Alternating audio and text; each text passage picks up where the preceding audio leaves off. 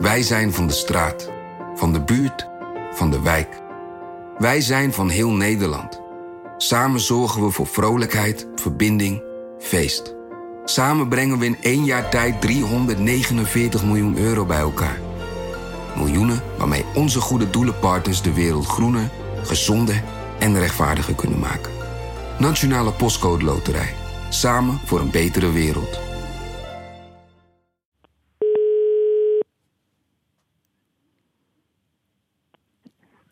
Met Thomas Rup. Thomas, Lemja hier. Ja, hey. Hi. Hey Thomas. Vanaf maandag kunnen wij jou niet meer lezen in NRC, maar wel Nee. horen. Vertel. Ja, nou, we, gaan met, eh, we komen met vandaag. En de naam verraadt het al een klein beetje. Het wordt een dagelijkse podcast. Waarin eh, ik elke dag één ja, verslaggever, correspondent of redacteur van NRC spreek over één onderwerp. Dus één verhaal elke dag. Fantastisch. En hoe kunnen luisteraars van Haagse Zaken zich alvast gaan abonneren? Want je bent er vanaf maandag. Ja, nou ja, je kan natuurlijk via alle grote podcastkanalen zijn we te vinden. Dus je kan zoeken op NRC.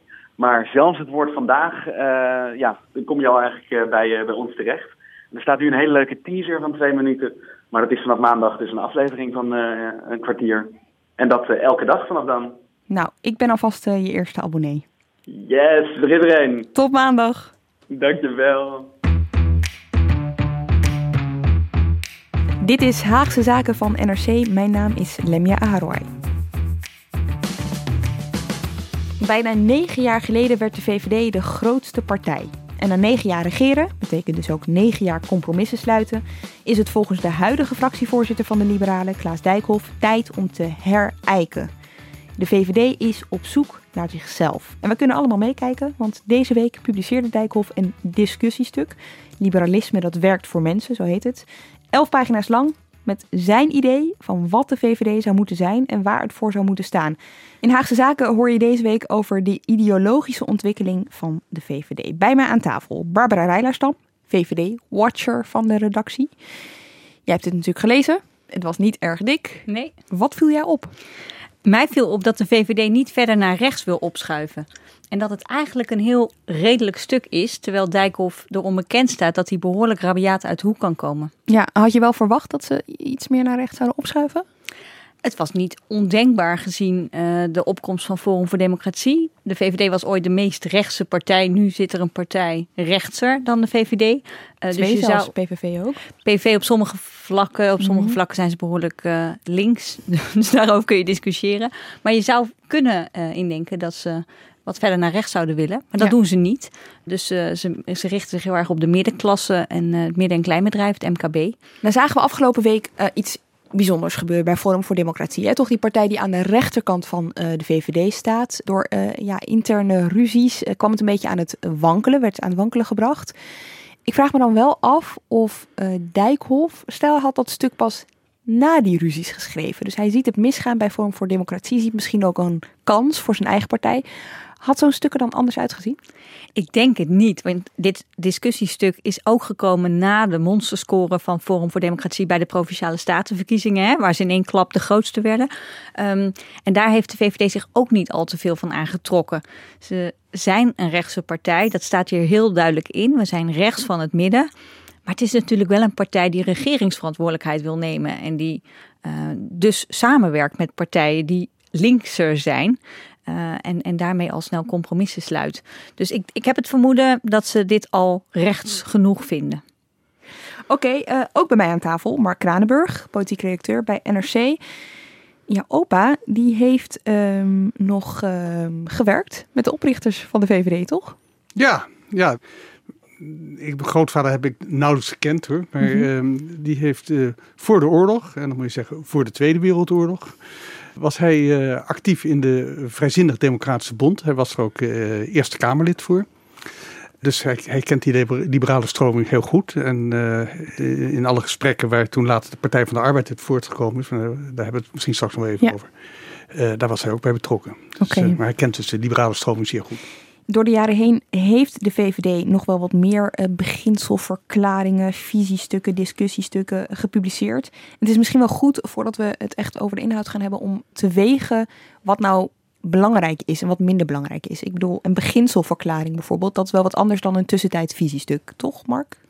Ja, de visiestuk dat is een, een, tussentijdse update. Een beginselverklaring is eigenlijk een fundament van een partij. En daarop gaan ze voortbouwen. Het, het belangrijkste voor een partij in het dagelijks handelen is het verkiezingsprogramma. En uh, dat schrijft Dijkhoff ook in zijn stuk nu. Hè, dat dit, dit, zijn allemaal bouwstenen straks voor een uh, beginselprogramma waar weer ook het verkiezingsprogramma uit moet worden gecomponeerd. Ja, het is een aanzet waarmee de discussie moet, moet losbarsten. En dat moet leiden tot concrete maatregelen die in het verkiezingsprogramma terugkomen. Ja, moet ik het zo zien? Het verkiezingsprogramma, dat zijn de concrete maatregelen. Het beginselprogramma, dat is meer de visie. Ja, en dat is dus ook. Het verkiezingsprogramma gaat echt voor de nieuwe komende vier jaar. En een beginselprogramma, dat gaat over het bestaansreden van je partij. En waar mhm. wil je heen met, de, met, je, met je ideologie van je partij. Ja, maar dit is wel de partij van de premier die niks moet hebben van visie. Nee, dat maakt het inderdaad een beetje moeilijk. ja. Okay. dat is ook zo'n evergreen van Rutte. Dat, uh, wie het heeft over visie, dan moet je naar de oogarts. Ja. Maar goed, je moet, je moet toch, uh, om, om dat vreselijke cliché te gebruiken, uh, ook ergens een stip op de horizon zien. Oh God. En, ja, vorig jaar was ik net, net VVD-watcher een paar maanden. En toen was ik op het VVD-voorjaarscongres. En toen gingen zowel, ging zowel Klaas Dijkhoff als Mark Rutte een visiespeech geven. En ik dacht, wat gebeurt hier nou? Dus ik heb de, de coördinator van dat weekend ook nog gebeld. Van, ik hoor hier echt heel veel visie. Uh, dat is best bijzonder, toch? En wat was daarop zijn of haar antwoord? Ja, schrijf maar een stuk. het is, inderdaad wel. bijzonder. Oké, nou goed. Deze week gaan we het dus hebben over de ontwikkeling van de ideologische koers van de uh, eh, VVD. Uh, dit is niet de eerste keer dat de koers van de VVD wordt gewijzigd. De Volkspartij voor Vrijheid en Democratie heeft een nieuw beginselprogramma vastgesteld. We spraken daarover met de heer Geertsema. Meneer Geertsema, waarom eigenlijk een nieuw beginselprogramma?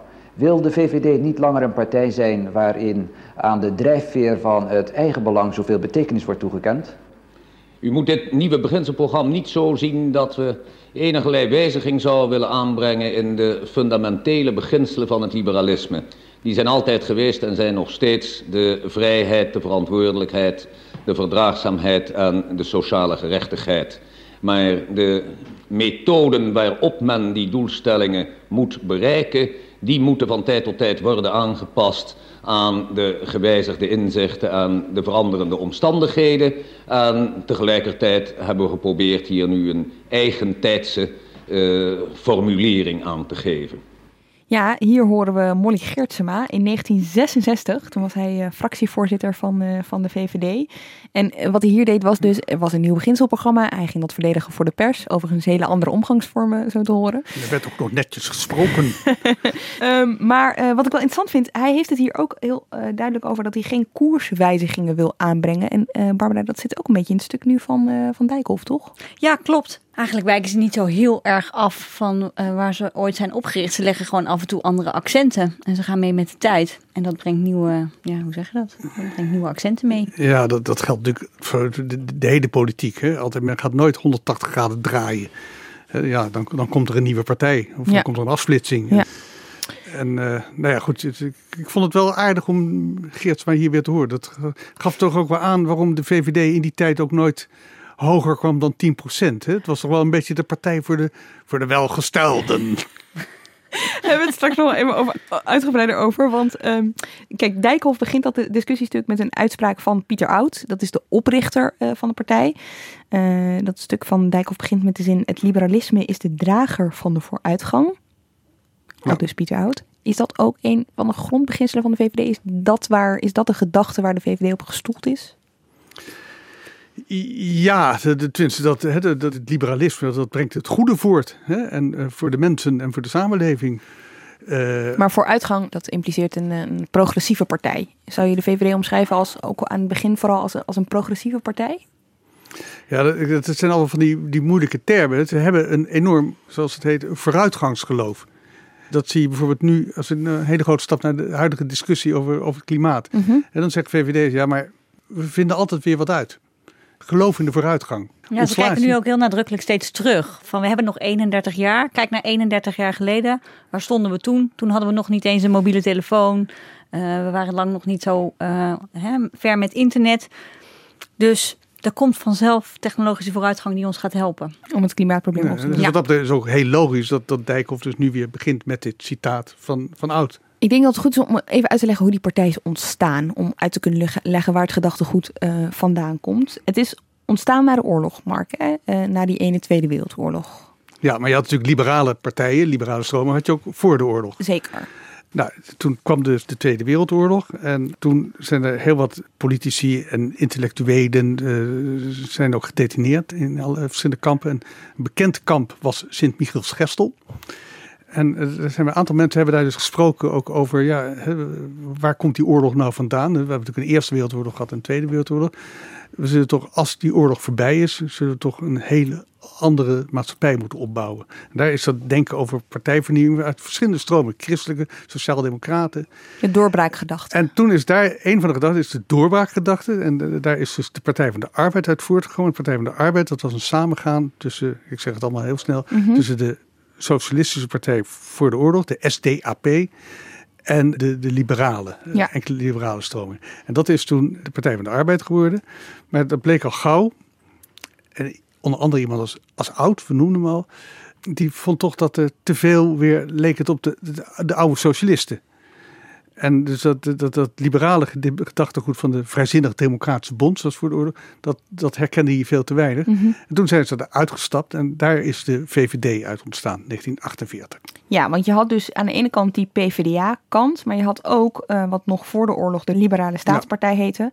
Eh, dat werd na de oorlog de Partij van de Vrijheid. Ja. Let op. Let op, ja. Eh, Zeg het- niet- zeg het goed. eh, Van de Vrijheid. Ja. Eh, van eh, Dirk Stikker was dat. Ja. En eh, hij samen met Pieter Oud, die zich dus niet meer thuis, eh, thuis voelde bij de PvdA, die besloten samen laten we het samen gaan doen. Laten we een nieuwe partij beginnen. Ja. Dat werd de VVD. Ja, en dat werd de Volkspartij voor Vrijheid en Democratie. En veranderden ze ook echt ten opzichte van die, van die partij waar ze vandaan kwamen? Was het echt iets nieuws?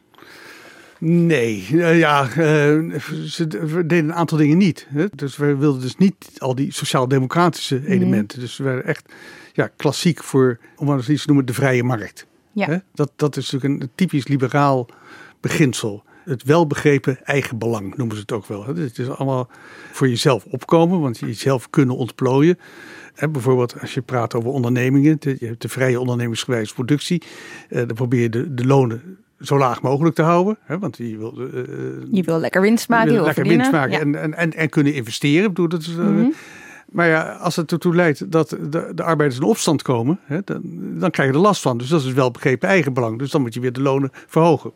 Dus dat is het idee van ja, het vrije markt. eh, Ja, precies. Ja. Goed, ze begonnen in 48, Ja. samen dus. In 1951, best wel snel, drie jaar na oprichting, moest Dirk Stikker vertrekken als minister en als partijvoorzitter. De motie van afkeuring werd door de Kamer verworpen. Uit het feit echter dat de hele fractie van zijn eigen partij ervoor stemde, trok minister Stikker de consequentie. Hij besloot af te treden. Nou, een van de oprichters vertrekt. Wat betekent dat dan voor de VVD? Ja, die- dat, dat betekende vooral voor Oud, dat, eh, de compaan, dat hij zijn positie verstevigde. Maar door het vertrek van, van Stikker kon Pieter Oud zijn zijn gang gaan, zou je kunnen zeggen. En hij was dus heel belangrijk voor de vorming van de VVD. En dat zie je nu nog steeds terug. Niet alleen begint Dijkhoff zijn stuk met een citaat van, eh, van Pieter Oud. Eh, er is ook een oud gezelschap. Dat zijn de VVD-burgemeesters. Als die samenkomen, heet dat het oud gezelschap. Oh, en op de werkkamer van Klaas Dijkhoff staat ook het hoofd van Pieter Oud. Zo'n Niet zijn sokkel. echte hoofd, hè? Maar een beeld. Niet zijn Ja. echte hoofd, een beeld. eh, op een sokkel. En het grappige is, die sokkel kan draaien, 180 graden. Eh, en de grap is, een soort grap die in ere wordt gehouden, dat als ze een compromis moeten sluiten, dat dan niet meer zo liberaal is. Dan wordt Pieter Oud even omgedraaid, gaat hij met zijn gezicht naar de muur. Hoeft hij het Ehm, even niet te en zien. Hoeft hij het even niet eh, aan te zien. Maar goed, hij had eigenlijk de, de macht alleen op dat moment. Hè? Ik bedoel, hij werd de baas, kon zijn gang gaan. Wat voor partij maakte hij van de VVD? Want het, het standsdenken werd daar wel een beetje geïntroduceerd. Hè? Het werd wel een partij voor mensen die het wat beter hadden. Nou ja, dat, daar leidde het in de praktijk toe. Hè, dat, dus ze hebben dat natuurlijk nooit, nooit zo uitgesproken van wij- wij, zijn voor, voor de welgestelden of Nee. voor de hoge verdienenden, maar het kwam wel op neer. Hè, want eh, de andere bevolkingsgroepen werden door andere partijen bediend. Hè, zoals de Partij van de Arbeid, de, de, de arbeiders. En eh, de christelijke partijen, die natuurlijk ook voor een belangrijk deel christelijke arbeiders verenigden, die Mhm. hadden, hadden hun groepen.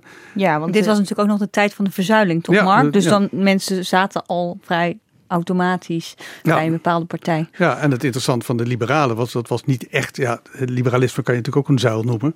Hè, maar dat is toch anders dan, dan een, een sociaal-democratische zuil of een, of, een, of een christelijke zuil. Mhm. Zij moesten het overschot naar zich toe proberen te trekken. Ja, ja.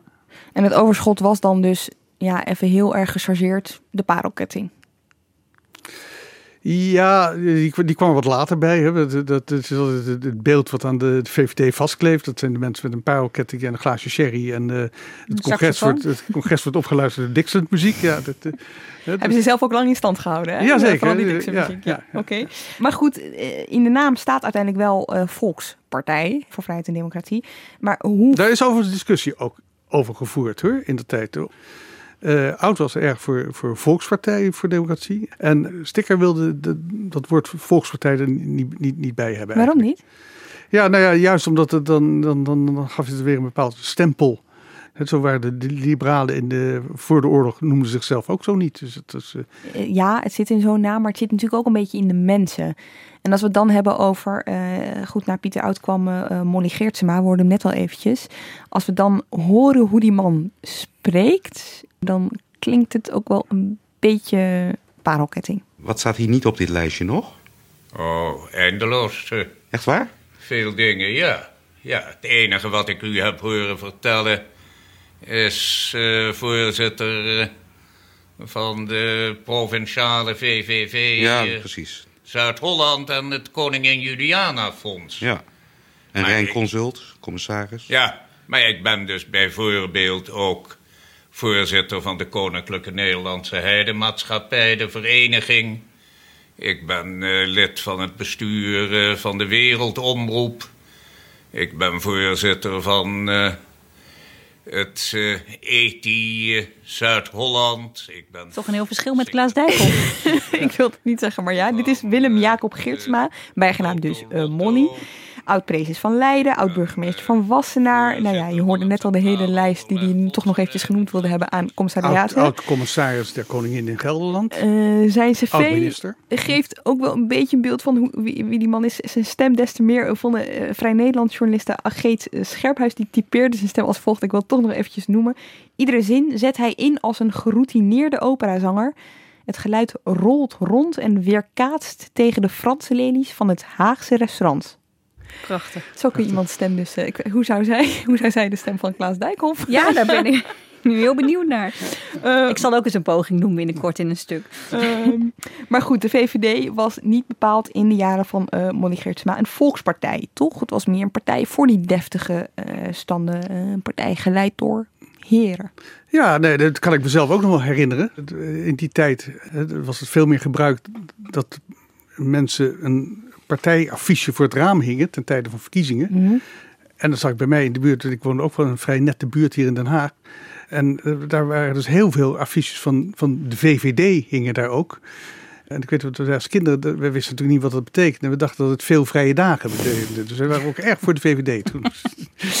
um, je bent nog bij hem langs geweest, Mark. Ja, ja dat, dat was weer wat later. Maar goed, de, de Geertsma die je net hoorde was ook al de, de, de inmiddels gepensioneerde Geertsma. Ja. was al wat jaar ouder. En uh, ik heb hem toen een keer in Wassenaar uh, opgezocht. En nou, Klopt precies het die plaatje stem, bij, die, die, die, bij dat herkende ik helemaal. En ik, het was een prachtig beeld. Want hij, hij kwam dus uit, uit Gelderland, waar die commissaris was geweest. En daar liep ook een tekkel door die tuin, die grote tuin daarin was. En dan hoor je hem ook zo bassen. Gelria, kom eens even hier. Gelria? Gelria. Je doet de stem ook goed na, moet ik zeggen. Um, hij schreef dus het beginselverklaring in uh, 66. Kun je spreken van een koerswijziging toen echt bij de VVD? Nou ja, kijk, het, was toen uh, in, in, Nederland was ook de tijd van Provo en dergelijke. Dus de maatschappij was uh, op drift. Kun je eens uitleggen wat, wat gebeurde er toen in, en, de, in de maatschappij? Nou ja, het, het, gezag was niet meer zo vanzelfsprekend. Mm. De, de twintigers, de naoorlogse generatie was dat, de kinderen die vlak na de oorlog waren geboren, die kwamen in, in opstand tegen hun ouders. Zeg ik in hele grote lijnen. Mm -hmm. Dat is natuurlijk ook maar in bepaalde lagen van de bevolking. Het, het, grootste deel van de bevolking ging gewoon altijd door zoals altijd. Maar ja, er moest dus echt nagedacht worden over, over de samenleving. En, over, uh, en dat speelde ook een belangrijke rol. Uh, de, de, de omgangsvormen, homoseksualiteit, relaties aangaan. En daarin was Geertsma heel vooruitstrevend. Heel, hij werd zelfs lid van het COC, toch? Omdat ja. hij zo'n groot voorstander was van de emancipatie van homoseksuelen. Ja, en er was op dat moment nog iemand binnen de partij, Harm van Riel. Ja. En die stond er wat anders in. Harm van Riel, dat was in de Eerste Kamer zat hij. En uh, die, die was aan, aanzienlijk conservatiever. Ja. Dus je had in de Tweede Kamer iemand, nou ja, die lid werd van de COC, die er heel erg progressief in stond. Ja. En dan had je in de Eerste Kamer, ik bedoel, dat moet toch ideologisch uh, wel gebotst hebben? Ja, overigens niet op dit punt hoor, op de immateriële punten. Mm -hmm. Maar hij, hij, was meer voor een economisch wat meer conservatieve koers. Maar dat kon dus wel binnen één partij twee, ja, dit lijken toch wel twee uitersten te zijn. Ja, die ja. allebei vertegenwoordiger zijn van die partij ook. Ja, zeker. Maar goed, de, de, de, in, in, de Eerste Kamer speelt niet zo'n belangrijke rol. Hoor. Maar dat, uh, hij, Van Riel is wat later is hij wat actiever geworden. Maar uh, toen, toen, toen Geertsma al weg was. Barbara, toch nog eventjes tussendoor. Hè? Die tijd van de parelketting, dat, als je nu kijkt naar de VVD, dat is, dat is toch wel een beetje voorbij. Als de, de, ja, je hebt natuurlijk nog de steeds. Volkspartij. Je hebt natuurlijk nog steeds wel mensen uh, van, van dat kaliber binnen de VVD. En tegelijk uh, mensen van het kaliber van Klaas Dijkhoff. Uh, wat meer niet lullen, maar poetsen. Um, dus het bestaat nog steeds naast elkaar. Jij zei net, hé, hey, wat gek dat dat allebei kan bestaan binnen de VVD. Maar dat heb je nog, nog steeds. Uh, die zijn er nog wel, ja. ja. Maar zijn die ook niet een beetje aan het verschuiven richting Forum? Want daar zie je ook veel ondernemers rondlopen. En uh, zie je ook veel... Ja, een deel van, uh, van de partij. En dat zijn met name de mensen die, die vrij recht zijn op het gebied van, van immigratie. Um, en ook tegen, uh, ja, wat zij dan denken, duur klimaatbeleid. Mm -hmm. Ja, die, uh, die neigen naar, naar Forum voor Democratie. Oké, okay. even terug weer de tijd in. Hans Wiegel, uh, die publiceerde in 1974 een visiestuk, De geloofwaardigheid van een alternatief. Kun je vertellen, wat bracht Wiegel de partij? Kijk, je, moet, je moet natuurlijk elke partijleider in zijn tijd plaatsen. Mm -hmm. En wat, wat, wat Wiegel vooral groot heeft gemaakt, was niet dat visiestuk of het programma. Wiegel voerde oppositie tegen Den Uyl, het rode gevaar. Zoals, zoals dat er werd genoemd. He. Men dacht echt dat de socialistische hoorders waren aan het oprukken. En, en, Wiegel maakte er dankbaar gebruik van om daar oppositie tegen te voeren. En dus daardoor kon hij zich enorm afzetten tegen de Partij van de Arbeid, tegen Den Uyl. En eigenlijk precies hetzelfde wat je uh, jaren en jaren later hebt gezien met Alexander Pechtold en Wilders. De Pechtold zette zich enorm af tegen Wilders en Wilders tegen Pechtold. En dat en versterkt dat, elkaar. Dat versterkt elkaar. Ja, ja ik, hij, goed, dat stuk, dat is, daar is hij niet mee groot geworden. Maar daar stond natuurlijk wel het idee van hem in. Hij wilde eigenlijk het gevecht om het midden aangaan. Dus hij trok de partij ja. daarmee. Je noemt nee. een L, de PvdA. Dus hij wilde, hij wilde dat gevecht in het midden aangaan. Ja, hij, uh, hij wilde dus echt, hè, wat, waar, waar we het eerder over die volkspartij. Hij wilde er echt een volkspartij van maken. En dat, dat, dat lukte hem natuurlijk ook. Hè? Hij, uh, hij, had een, goede electorale aantrekkingskracht. Mm -hmm. en, uh, Waar zat hem dat in, Mark? Uh, nou ja, wat ik zei, dat hij dus te, tegen Den Uyl, hè, dus, mm -hmm. dus dat, dat vijandbeeld. Maar in zijn en, woordgebruik, ja, zijn hij, voorkomen? Hij was, hij was dus heel inderdaad een, een uiterst scherp debater. En, en, en, en, en ook een, een, een nieuwkomer.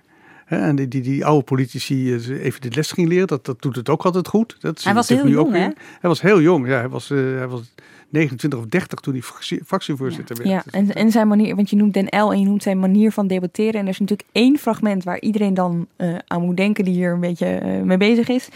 En dat is dit fragment. Want hier wordt de democratie ondermijnd. Hier worden de mensen opgevoed in de politiek van de illusie. Sinterklaas bestaat. Daar zit hij, achter de tafel. En hij wijst dan naar Den L. Ja, ja het is inmiddels een, een grijs gedraaid fragment. maar dat, dat zegt wel, wel alles. Ja, ja, ja. En, en, en hij had dus echt wel dat idee van we moeten een volkspartij uh, ja. uh, worden. Ik, even ja, en dan, dan moet ik misschien ook wel even zeggen, dat, hè, dat kon ook makkelijker. Want tegelijkertijd zag je dus de ontzuiling. Hè, waar, waar vroeger, als je katholiek was, stemde je op de KVP. En, uh, en als je protestants-christelijk was, dan stemde je op de AR. Dat, dat was aan het verdwijnen. Dus de mensen hadden vrijheid om te kiezen. Het hoeft niet automatisch naar die partij van hun ouders. Dus er kwam gewoon een heel nieuw kiezerspotentieel vrij. En daar wilde hij en, gebruik en daar van maken. kon hij heel goed gebruik van maken. Dat verwoordde hij dus zo in zijn visiestuk. Ik lees het even voor. Onze partij zal haar aanhang alleen vasthouden en verder verbreden. En zal alleen dan uitgroeien tot een echte volkspartij. Waarin zich verenigen al diegenen die onze politiek aanhangen. Ongeacht hun geloof of levensovertuiging. Ongeacht hun maatschappelijke achtergrond als wij met elkaar samen denken en samenwerken in verdraagzaamheid. Dus hij, hij ging er erg vanuit van ik, ik ga die mensen bij elkaar zetten. Ja. En het lukte ook. Ja, ja. En eigenlijk het idee waaruit uh, toen, toen vlak na de oorlog, hè, die, die doorbraakgedachte, meer groepen zien te verbinden, wat toen mislukte. Dus dat was een nieuwe poging. Voor Wiegel lukte het, want uh, ze zaten voor zijn tijd, tijd rond de 16 zetels. Daarna werd het een, nou ja, toch redelijk grote volkspartij met 26 kamerzetels. Ja, nee, zeker. Dat, uh, dus VVD die altijd zo'n beetje rond, rond de 10 procent en toen opeens zo rond de 20 procent verdubbelde. Dus dat, uh, ja, en dan ben je natuurlijk wel een, een, een speler van belang ook. Het was de Partij van de Doeners. Het is echt, ik vind het best wel grappig, dat was toen een ding, hè? Doeners. Dus wij zijn degene die het ook echt doen. Sommigen noemen het platte rechts overigens. Hè? Dus uh, belasting omlaag, zo min mogelijk overheidsbemoeienis. Je kan ook zeggen het is de oergedachte van de liberalen, maar het is maar net hoe je het formuleert. Maar dat doeners, dat is nu weer helemaal terug. Barbara. Ja, dat komt nu weer terug. De doeners worden nu weer in het zonnetje gezet door Mark Rutte. Die gaat dan langs met een vaasje. Ja, precies. Oh ja, het vaasje. Ja. Dat is nu uh, de invulling daarvan. Uh, maar het was weinig intellectualisme, kan ik dat zeggen, uh, ten opzichte van de tijd ervoor, Mark? Ook dit moet je weer zien in, in een wat breder perspectief. In de, je zag het in de hele wereld. In, in, in Groot-Brittannië. Je had Thatcher. Je had in uh, de Verenigde Staten uh, had je, had je, kwam, kwam Reagan op. De, de, de, de oergedachte was steeds: de overheid is niet de oplossing, maar de mm. overheid is het probleem. Mm. Dus dat was een internationale trend en daar, dat, speelde, daar hij, speelde hij op ook op in. Ja. En het werd iets minder deftig.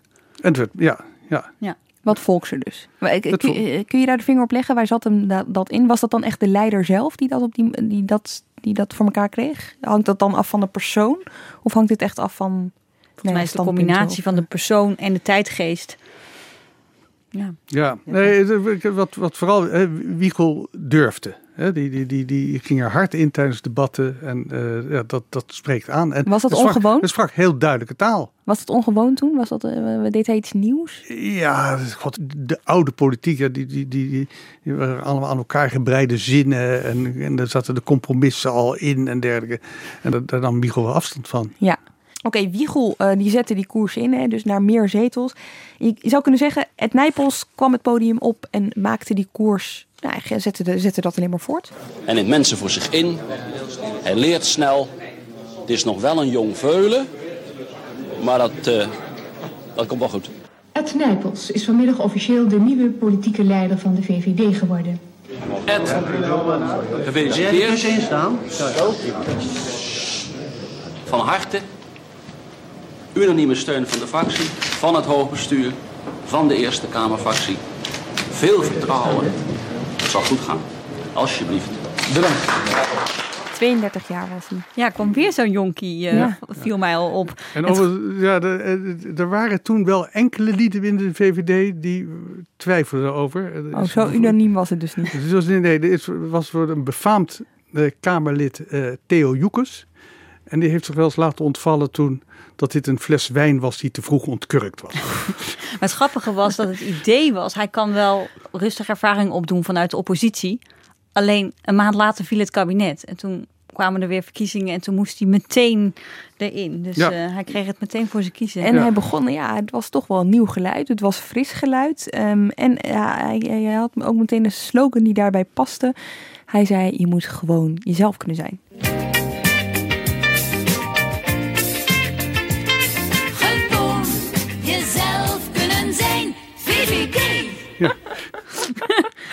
Um, ja, ja, ik vind het mooi. Ik ken de VVD inmiddels ook wel als een vrij optimistische club mensen. Ongecompliceerd. Ze hebben niet voor niks het imago bier en bitterballen. Ik vind dit er wel mooi bij passen. Ja, toch? Dit, dit, is, toch, dit, dit is toch wel een beetje het volks. Er staat geen, uh, dit, je hoort geen violengeluid op. Nee, uh, maak je niet te veel zorgen. Uh, het, het, leven is meer dan alleen maar somberen. Ja, ook weer geloof in de toekomst. En ja, en, en Nijpels past natuurlijk daar, daar ook goed bij. Een jonge uitstraling, een beetje lange haren had hij. En, uh, die, die, die, die kwam zeker in het begin heel, heel goed over. Ja. En dat bleek natuurlijk ook later, want uh, met de verkiezingen daar heeft hij een mooie score gehaald. Ja, een monsterscore hè? Dat ja, was echt ja. uh, een record voor de VVD. 36 zetels. Ze wonnen, ze wonnen er inderdaad heel wat bij. Maar eerst even over, wat, wat voor politiek bracht Nijpels? Was het, was het een denker of was het meer een doener? Nijpels was gewoon een hele handige politicus. En die, die, die dus was, was een doener. Ja, Veronica liberalisme. Eh, Als je, als je daar een beetje aan zoekt, dan, dan vind je dat woord langskomen. Ja. Wat zegt dat? Dat je eh, eh, gewoon voor jezelf moet, moet opkomen. En, en je- en je niet, niet te veel laten hinderen door structuurveranderingen, et, et cetera. En, Maar Veronica du- du- duidt ook een beetje op een gewoon commerciële manier van, van politiek voeren. Ja, de Veronica, dat was toen de, de, de, we waren net geloof ik de, de- het Nederlandse omroepbestel Mhm. ingegaan. Dat was een oude, oude radiopiraat. En die, eh, ook hun programma straalde ook allemaal uit. Hè? Lekker, lekker jezelf zijn, eh, lekker ongecompliceerd. Dat, dat was Veronica. Niet moeilijk doen. Eh, niet iedereen was daar even blij mee. Hè? Want we hadden het er net al eventjes over. Binnen de VVD was er ook wel een stroming van mensen die wel, hoe zou ik het zeggen, wat meer nadachten over waar het heen moest met de partij, waar het heen moest met Nederland. Zo mooi, er was een, een ingezonden brief eh, in NRC. Misschien kun jij dat vertellen, Anne Ja. Ja, dat was wel mooi. In NRC kwam een ingezonden brief van de afdeling in Wassenaar. Eh, die zagen het niet zo zitten met Ed Nijpels, want dat was in hun ogen een incapabele man. En de Rotary in een belangrijk VVD-bolwerk kwam dus in opstand. Het is dus een ingezonden brief en hij is geplaatst in de NRC, maar ik heb de datum nog niet opgezet, dus ik weet niet precies meer van wanneer het is.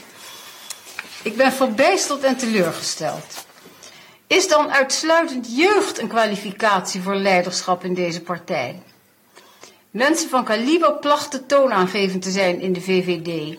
Maar nauwelijks is de partij tweede van ons land geworden, of de politieke leiding ervan wordt zonder slag of stoot toevertrouwd aan een 32-jarige die nog nergens heeft bewezen daartoe capabel te zijn.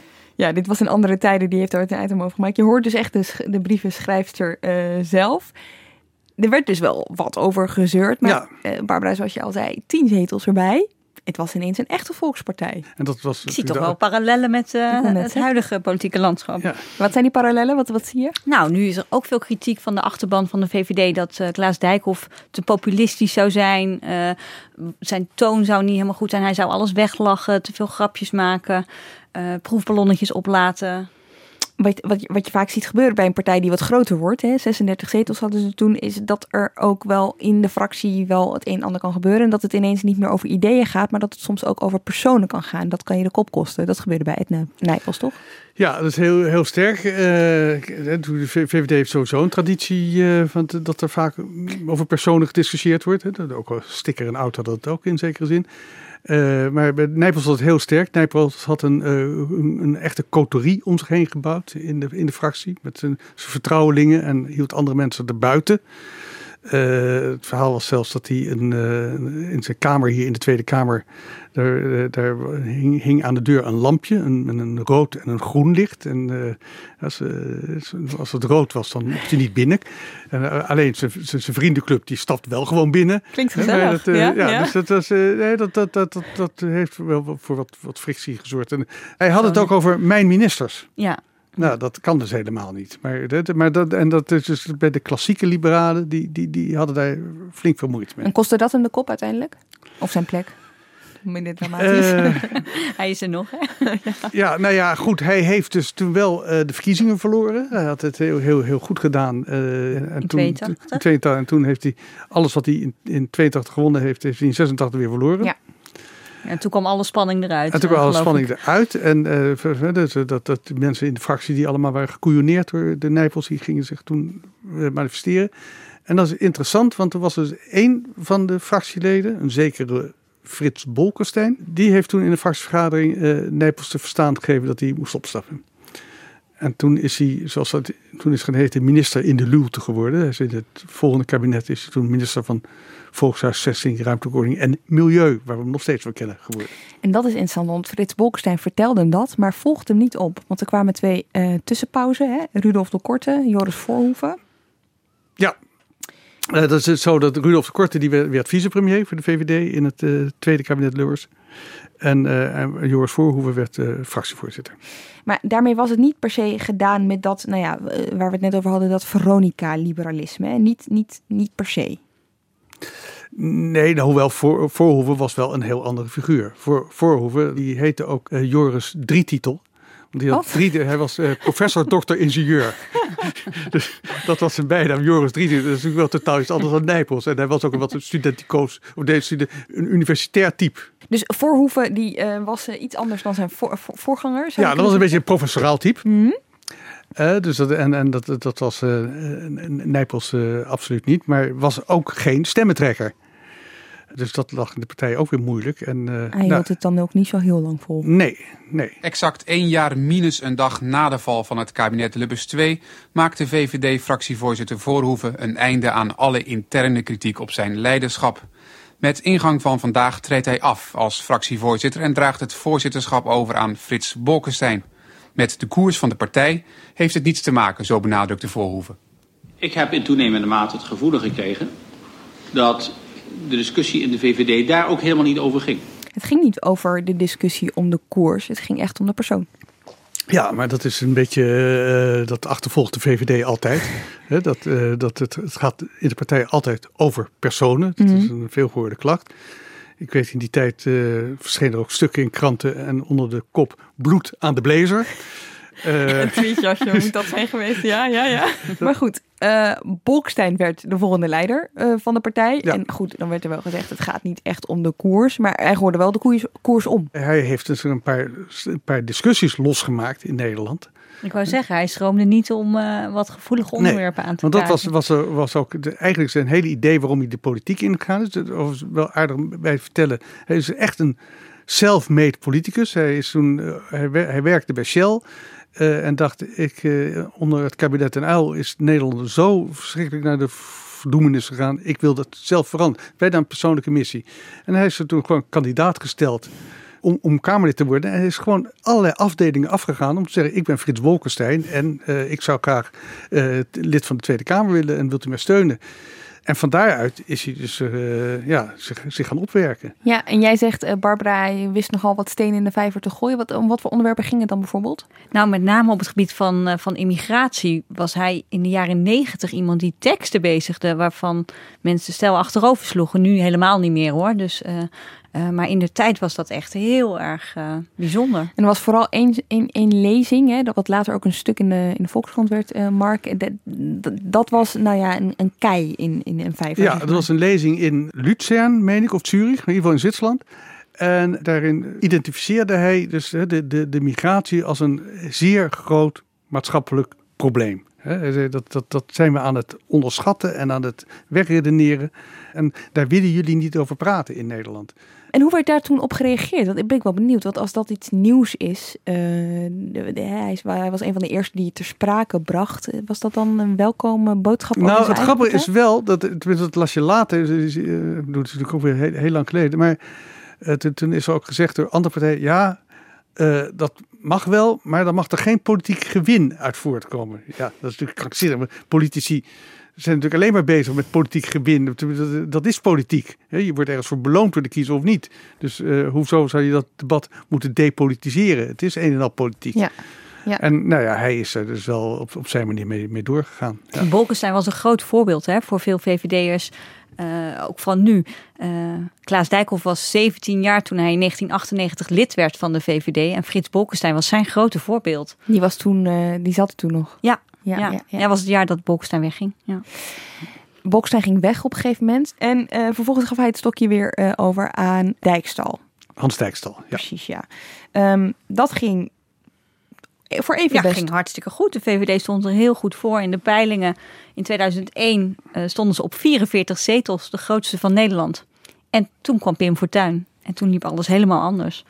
Eh, en ja, Dijkstal, die, eh, ja, die was zo kapot van de klap. Die is eh, daarna meteen vertrokken. Ja, het gekke is dus dat eh, Pim Fortuyn heeft dus en de Partij van de Arbeid in de kreukels gereden en de VVD in de kreukels gereden. Maar alle aandacht ging naar de PvdA, want die hadden nog meer verloren bij die verkiezingen. Ja, Dus, voor de bühne, in, eh, voor de bühne eh, viel het een beetje weg. Maar bij Ja. de VVD dachten ze wel der- dergelijk van we moeten iets gaan doen. Ja. Want in 2005, toen er schreven ze dus, dat deed Geert Dales, toen partijvoorzitter. Nu kennen we hem van 50 plus. Die man heeft een hele politieke carrière. Dat is eigenlijk al Ja. Aflevering op zich. Uh, maar die, goed, die dacht toen bij zichzelf uh, in 2005 in de VVD... we moeten ons um, uh, manifest uit 81, we moeten het herzien. We moeten nogmaals gaan nadenken, waar staan we eigenlijk voor? Ja, kijk, 81 was natuurlijk vlak voor al die klinkende overwinningen... En 2002 was een, een, grote nederlaag. En 2003, want hè, Balkenende 1 bleef maar heel even zitten. Dus er waren meteen daarna weer verkiezingen. Um, toen haalde de VVD maar vier zetels meer dan bij die enorme nederlaag uit 2002. Dus het was nog steeds niet veel soeps. Um, in 2005 besloten ze om dat, om dat uh, ja, liberaal manifest op te poetsen. Zo heette dat, hè? Het liberaal manifest. Ja. ja. En Geert Dales, die, die was toen partijvoorzitter. En die zei toen tegen NRC... Als u een koerswijziging verwacht, een ruk naar rechts, komt u bedrogen uit. Het is niet links, het is niet rechts. Het gaat niet om sociaal-liberalen of ontplooiingsliberalen. Dus hij ging heel duidelijk maken van, we gaan niet per se schuiven. Wat zegt Dijkhoff daar nu over? Ja, ik zit al even te bladeren, je hoort het misschien. Ik zei, uh, Dijkhoff schrijft, wat ik niet voorstel is te verhuizen in het politieke spectrum. Wij zijn een liberale en rechtse volkspartij. We gaan niet naar links, we gaan niet verder naar rechts. Ja, want het interessante is, wat toen gebeurde was, uh, Fortuyn kwam op. Hè, dus een partij uh, op veel gebieden rechtser dan waar de VVD Ja. stond. De VVD had, had dat terrein eigenlijk altijd zelf. Dat lag braak. Geert Wilders was in 2004 uit de VVD gestapt. Die was ook rechtser. Dus die ging daarna als eenmans eh, fractie verder. En had ook een veel rechtser geluid dan de VVD. En je zou kunnen zeggen, de VVD zit nu in een soort gelijke positie. Hè? Ja, Eh, met dus de opkomst van Forum voor Democratie bij de Provinciale Statenverkiezingen. hè, Die in één klap de grootste zijn geworden in de Eerste Kamer. Maar dat Liberaal Manifest uit 2005 was niet echt een antwoord op dat rechtspopulisme. Eh, de leden van de commissie hebben zich niet laten verleiden om ineens een soort ruk naar rechts te maken. eh, of om een ja, goedkoop antwoord te geven op die, eh, die ja, opkomst van Fortuyn en de afsplitsing van Wilders. Er was inhoudelijk ook niet echt een enorme koerswijziging. We hadden het er straks al over. Het is meestal een beetje bijsturen. Dus het was nog steeds de bekende VVD. Een kleine overheid, veel veiligheid, zelfredzaamheid, lage lasten. Ja, op dat gebied eh, veranderde dus niet zoveel. Nee, goed. Maar goed, er werd in ieder geval, ja, er veranderde weinig. In 2008 gebeurde er weer iets, want eh, toen was... Toen was er een nieuwe leider. Precies. Ja, Mark Rutte eh, was in 2006 eh, aangetreden als partijleider. Dat ging niet zonder slag of stoot. Ehm, hij was eerder staatssecretaris geweest van eh, Sociale Zaken en daarna nog staatssecretaris van Onderwijs. En in 2006 ging hij de strijd aan met Rita Verdonk. Ik eh, ga in ieder geval, eh, laat ik daar maar eh, nu duidelijk in zijn, eh, overwegen dat ik mij eh, kandidaat ga stellen voor het, voor het lijsttrekkerschap. U gaat toch zich kandidaat stellen voor het lijsttrekkerschap? Eh, dat wordt een leuke competitie. En dan hoop ik dat die kandidaten dat zo doen... dat we na afloop ook leuk met elkaar en goed met elkaar kunnen verder werken. De verrassing was groot, want niet Rita Verdonk, maar... Mark Rutte is gekozen tot lijsttrekker. Het was een nek-aan-nek race, maar Rutte bleef met 51 tegen 46 procent Verdonk toch voor. Eh, nou ja, die beelden kunnen ons allemaal nog wel herinneren. Rita Verdonk met een bouwhelm op in de rij. Ehm, het ging echt hard tegen hard. Het was Eh, een prachtige tijd voor politiek journalisten, kan ik me voorstellen. Ja, ik baal dat ik, eh, dat ik hier toen niet zat. Maar, eh, Ja. maar goed, ik, ik heb er alles Ik, over ik heb het gelezen. eh, op afstand moeten volgen. Ik zat toen, toen in Brussel. Maar wat je daar ook weer onder, eh, onder zijn huid ziet eigenlijk... is dat eh, de, de, de- een, een flink deel van de VVD heeft ook moeite met populisme. En dat, dat is Mhm. gewoon de, de verpakking waar alles in wordt gezet. Dus dat is ook de moeite die ze hebben met, met de PVV en, eh, en met Forum voor Democratie. Dat die populistische toon, dat, eh, daar hebben ze moeite mee. En, Ja. en dat was natuurlijk heel sterk met Rita Verdonk. Ja, zeker. Maar toch doet Rutte natuurlijk ook een beetje. Want in 2008, daar begonnen we net mee. Hij, hij was toen twee jaar partijleider. En hij had, ze zaten in de oppositie. Is ook wel goed om te vermelden. Na al die jaren regeren eh, was de VVD in 2006 in de oppositie terechtgekomen. En dat is natuurlijk een goed moment om, om weer eens te vertellen... Ja, waartoe zijn wij nou op aard? En om echt vrij uit te kunnen spreken. En toen kwam Rutte ook met termen als we moeten strijden tegen de terreur van de middelmaat. En, en dat soort eh, toch wat populistische Ja, en, teksten. en Van Dalen gaan betalen. En dat soort Ja, echt serieus? ja. gaan betalen. Het mooie vond ik ook wel, je vroeg net waarom was dat nodig, hè, Ja. die nieuwe Ja. beginselverklaring. Maar eh, de directeur van het wetenschappelijk bureau van de, van de VVD, Patrick van Schie, die zei dat het oude beginselprogramma zo tam was dat zij de partij geen identiteit verschafte. Nou ja, dus Kleurloos. Ja, dus vandaar een nieuw, eh, een, een opknapbeurt en een nieuw beginselprogramma. En dat nieuwe beginselverklaring uit 2008 van Mark Rutte, hè, is dat een beetje waar de partij sindsdien, dus uh, de afgelopen elf jaar, uh, op heeft voortgeborduurd? Ja, dat zou je wel, uh, wel kunnen zeggen. Er lag veel nadruk op mensen helpen op eigen benen te staan. Um, op dat moment we hebben het nu steeds over de middenklasse. Mm -hmm. Ze willen zich richten op de middenklasse. Maar toen werden voor het eerst de leraren, de politieagenten, de mensen in de zorg heel expliciet genoemd als de mensen voor wie de VVD er wil de, zijn. De hardwerkende Nederlander. Ja. Ja, dat was toen het begrip. Ja. Wat, uh, wat, wat Rutte erin bracht toen. Uh, ja. Ja, dat, dat associeer ik nog steeds met de VVD. Ik bedoel, uh, ja. dat, dat, hebben ze heel goed, goed weten te claimen. Ja, maar tegelijkertijd doe je ook niet alleen met de VVD. Dat, Ascher van de Partij van de Arbeid roept het ook. Hè? Dan hebben ze het over agenten, onderwijzers. Ja, iedereen gebruikt het op zijn eigen ja. manier. Ja. En je had natuurlijk gewoon ook de kleine krachtige staat, vrije markteconomie, uh, internationale rechtsorde. Hè, de grote thema's van de VVD die altijd terugkeren. Uh, alleen Mark Rutte heeft ze in 2008 een beetje opgepoetst. Ja, want dat is tot nu toe, hè, om maar eventjes uh, 2008 en dan verder uh, terug te kijken. Van wat ik nu hoor, echt grote koerswijzigingen zijn er nooit echt geweest. Het zijn steeds andere accenten.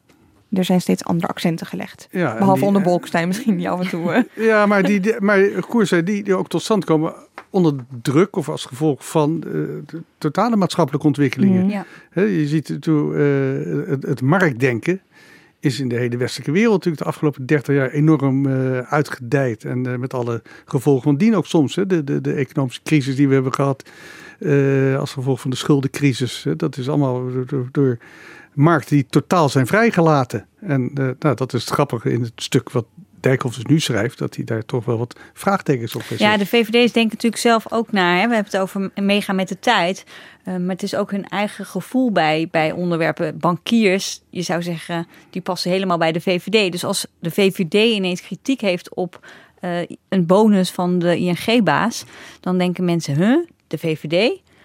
Maar dan zeggen ze bij de VVD, nee, juist wij moeten Um, hè, dit, dit punt maken. Want wij willen uh, uh, zulke banken vrijheid geven, omdat we ervan uitgaan dat ze hun verantwoordelijkheid nemen om het dan goed te doen. Dat zit in het liberale denken. En als die banken er dan een potje van maken, dan zijn wij juist aan zet om ze terecht te wijzen. Ja. ja want zij zijn voor de vrije markteconomie. En als de vrije markteconomie zich door zijn handelen of door het handelen van een aantal partijen erin zichzelf gaat bedreigen, dan moet je ingrijpen. Ja, dat zie je nu ook terug in het discussiestuk van Klaas Dijkhoff.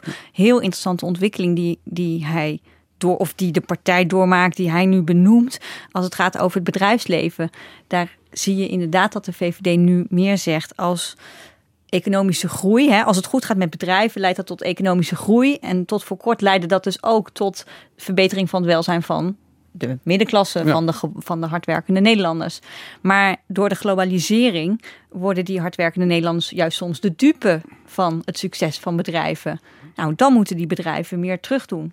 De voor de samenleving. De, de bedrijven gaan de grens over. Hè? Ja. Dan kunnen de werknemers profiteren er helemaal niet van. Ja. Is, is dit een verschuiving te noemen? Is dit dan wel echt een, een ja. verschuiving te noemen? Ja, dit is nadrukkelijk een verschuiving in het denken over uh, grote bedrijven. En, is dat, dan... en dat is dus dat komt voort uit die verschuiving van focus naar de middenklasse en het midden- en kleinbedrijf. Ja, als je het puur in, in praktische termen vertaalt. Hè, we hebben natuurlijk dit jaar die hele discussie gehad over uh, de, de dividendbelasting. Mm -hmm die uh, moest worden afgeschaft. En dat, ja, wat was dan de reden? Ja, verbetering van het vestigingsklimaat. Nou, met dit stuk van Dijkhoff kan je dat onmogelijk plaatsen. Dat, dat ze ooit met dit voorstel zijn gekomen. Ja, precies. Ja. En dat is wel interessant. Want... Dat is dus inderdaad een verandering dan. En, en het is een verandering, maar ook met het doel om te verbreden, neem ik aan dan. Om dus inderdaad een wat bredere volkspartij te worden. Je bent er niet alleen maar voor de hardwerkende ondernemer, maar je bent er inderdaad dus ook voor de hardwerkende middenklasse. Ja, maar als je ook hoort dat 95% van de bevolking bij wijze van spreken daartegen is, tegen dat idee, mm -hmm. ja, dan, uh, ja, dan ben je ook wel... Uh, uh, gek als je dat blijft volhouden dan. En het past in de wat bredere visie van Klaas Dijkhoff. Dat is misschien wat ingewikkeld te volgen, maar ik hoop dat ik het duidelijk kan maken. Hij zegt, we hebben heel lang gedacht, als we maar liberale middelen inzetten, dan bereiken we vanzelf een liberaal doel. Maar dat gebeurt niet altijd.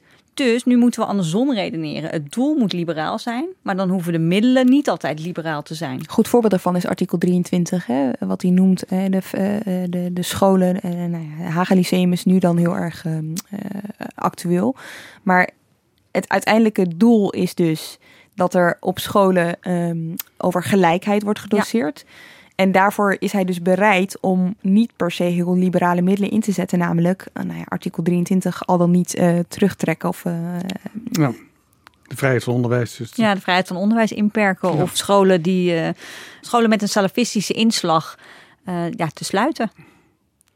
Ja, en, en je hebt ook andere, andere voorbeelden hoor. Strijd rondom, met de grondrechten dan. Hè? Ja, ja, rondom het omstreden wijkenplan. Uh, daar zaten ook onderdelen in uh, die niet bepaald heel liberaal zijn. Hè? Mensen dwingen om uh, de Nederlandse taal te leren. Terwijl ja, voorheen was de VVD dan wat vrijer van, nou dat mag je allemaal zelf regelen. Nee, nu wordt dat opgelegd, want het doel moet zijn dat iedereen Nederlands beheerst.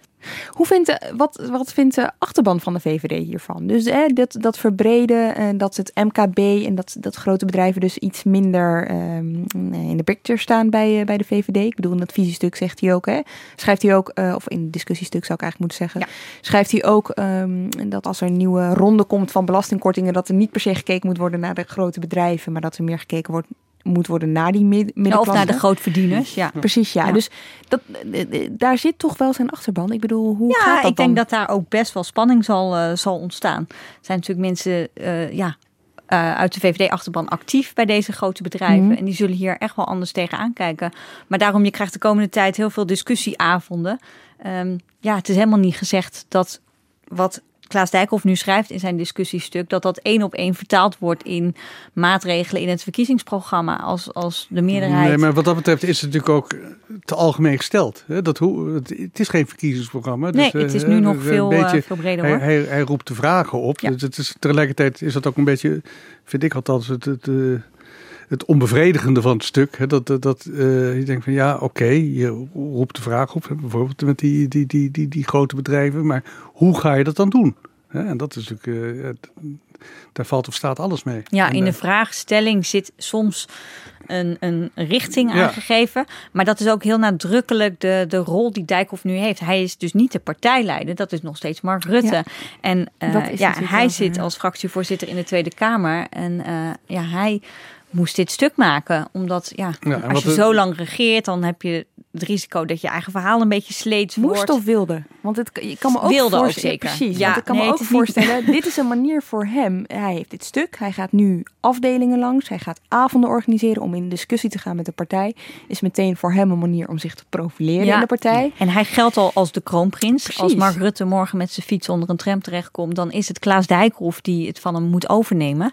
Uh, en die het overneemt. Uh, er wordt soms een beetje getwijfeld of Klaas Dijkhoff nou echt werkelijk intrinsiek uh, die wil heeft om Wat Mark jij? Rutte op te volgen. Ja, ik denk niet dat je dit allemaal zou kunnen doen als je het niet leuk als je vindt. Niet wil, nee. Of als je het niet wil. Maar wat dus extra lastig voor hem is, hè, vergeleken met Rutte, die dus ook een keer in 2008 dat stuk heeft geschreven, die uh, beginselverklaring, uh, is dat Rutte kon het doen vanuit de oppositie. Ja. En uh, Dijkhoff is dagelijks mede verantwoordelijk voor het beleid wat door de coalitie gesteund wordt. Maar kun je, niet, je, kunt toch, je, kunt, je kunt toch in een coalitie zitten ondertussen nadenken ja, over maar hoe je... dat maakt het wel ingewikkelder. Hè? Je bent toch op een of andere manier uh, gebonden. Ja, het is en, ingewikkeld. dat vind ik het heel die, knap dat hij ja, het doet hoor. Ja. Dat is, uh, en, uh, want maar, in die coalitie, je moet niet vergeten, de VVD is inmiddels dus rechts ingehaald. Er is een, een rechtsere partij dan de VVD. Maar in de coalitie is de VVD nog steeds de meest rechtse partij. Ja. Maar omdat ze de grootste partij zijn in de coalitie, moeten zij uh, de verbinder zijn. Op het moment ja. dat er iets wringt of ja. dat er een probleem voor ligt. Uh, ja, dat, dat maakt het best lastig. Even heel concreet, ik ben dus wel benieuwd. Die partij heeft meer dan heeft, nou, zo'n 25.000 leden. Iets meer, iets minder. In ieder geval rond 25.000. Dan, dan wordt er zo'n stuk geschreven, dat is een discussiestuk. En dan wordt daar met de partij over gepraat. Nou, ja. hoe ga je in gesprek met al die mensen? Dat, dat kan natuurlijk niet. Hoe, hoe, hoe, hoe pakt hij dat aan? Ja, er worden discussieavonden georganiseerd. Ik meen zes of zeven of acht. Nou ja, in die, ja? er komen er waarschijnlijk al steeds bij. Dat, zo gaat dat ja? natuurlijk ja. ook. Want ze hebben er dan een aantal gepland in bepaalde regio's. En dan zijn er andere regio's die zeggen, nou, wij willen dat ook wel. Uh, dus er komen discussieavonden. En uh, dan komt er een ideeënfestival. Een festival. Dat festival. Ja, het heette voorheen het eh, voorjaarscongres van de VVD. Maar sinds dit najaar heet het congres van de VVD een festival. En het voorjaarscongres heet zelfs een ideeënfestival. Omdat het natuurlijk aansluit op dit discussiestuk. En, wo- En, eh, en wordt er dan over gestemd? Of wat, wat Nee, er wordt niet gestemd. Er wordt gewoon echt heel veel gediscussieerd. En het einddoel is dus niet om dit stuk te gaan updaten of te gaan herschrijven op de punten waarover ze dan gaan discussiëren. En misschien eh, overeenstemming bereiken om het net iets anders te formuleren of om het concreter te maken. Of, eh, maar het is allemaal een aanloop naar dat nieuwe verkiezingsprogramma. Mhm. Van 2021. Ja, want de bedoeling is om dat niet een beetje op te frissen. Maar er mag echt wel wat eh, opgeschud worden. Ja. Ik, ik heb nog één vraag. Om even te eindigen met waar we mee begonnen. 1948 begon het. Er waren een paar eh, nou, beginselpunten eh, waar de VVD op gestoeld was. was. Als je nu kijkt, bijna meer dan 70 jaar later, is er echt fundamenteel wat veranderd aan de VVD? Eh, nee, natuurlijk is die, die, die, die partij is, meer, is zichzelf meer opengegooid. En dus eh, heeft, eh, heeft meer oog voor brede groepen van de bevolking. Het is dus echt een volkspartij geworden. Het is eigenlijk de Volkspartij voor Vrijheid en Democratie, zoals die in 1948 werd opgericht. Die toen toch eigenlijk voor een vrij select gezelschap was. Kan je nu wel zeggen, dat is echt een volkspartij geworden. Wie had in 1948 gedacht dat ze ooit nog een festival zouden organiseren? Ja, en dat in een discussiestuk een balletje mayo zou voorkomen. Wacht even, wacht. Dit, dit, dit, heeft wat, dit, dit heeft wat context nodig. Ja, het gaat natuurlijk ook over het klimaat in dat, eh, eh, in dat discussiestuk van, eh, van Klaas Dijkhoff.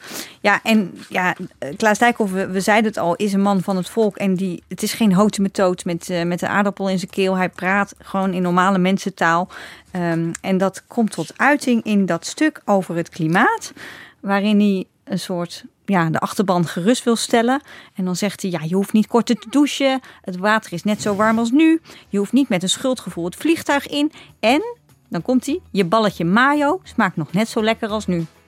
Nou, een geruststelling om mee te eindigen. Dank jullie wel. Als hij het kan waarmaken. Barbara Rijlaarsdam en Mark Kranenburg. En eh, bedankt ook voor het luisteren. Nog even belangrijk, binnenkort maken we een special over de Europese verkiezingen. En daarin beantwoorden we al je vragen over Europese politiek. En het mag echt, ook al denk je bij jezelf, dit is wel een heel domme vraag, stuur hem toch maar eventjes in. En dan zetten we je naam er gewoon niet bij als je dat niet wil. Mail naar podcast.nrc.nl. Ook veel dank aan de producers van Haagse Zaken, Henk Kruigrok van de Werven en Eva Hofman. Volgende week en de week erop zijn we er niet in verband met het meireces. Maar op 18 mei staan we gewoon weer in je podcastfeed. Ik zou zeggen, fijne vakantie als je weggaat en tot dan.